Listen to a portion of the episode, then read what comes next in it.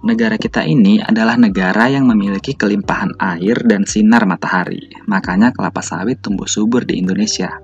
Timbul pertanyaan di kepala saya, kenapa saat ini harga minyak sawit terus ditekan? Apa motifnya? Saya paling hobi untuk melakukan riset. Sampailah saya pada sebuah artikel yang ditulis oleh salah satu komunitas Staden di Finlandia.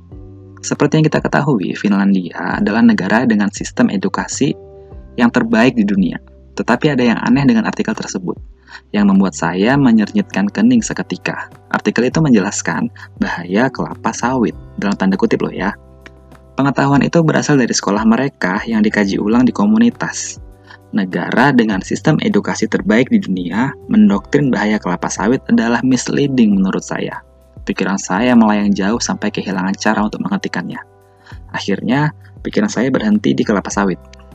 Hegemoni minyak pangan dunia saat ini adalah corn oil, sunflower oil, dan olive oil.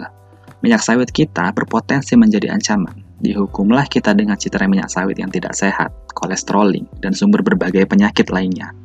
Bahkan ada ratusan produk turunan minyak kelapa sawit yang dicitrakan berbahaya. Ini semua karena kebijakan luar negeri kita yang masih polos. Kita nggak tahu how the world work. Ya kita jadi mainan negara-negara hegemoni masif pencitraan negatif kelapa sawit di seluruh dunia. Kekuatan ekonomi kita salah satunya ada di ekspor sawit.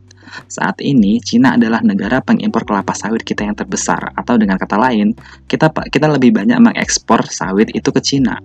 Cina senang dengan harga sawit murah saat ini. Hutan industri kita, kelapa sawit, kemarin kebakaran. Kebakaran hutan saat ini adalah yang sangat masif.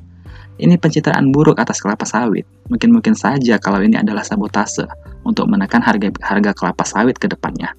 Bagaimana kalau ini terjadi karena lemahnya kita bernegara? Punya analisa sendiri?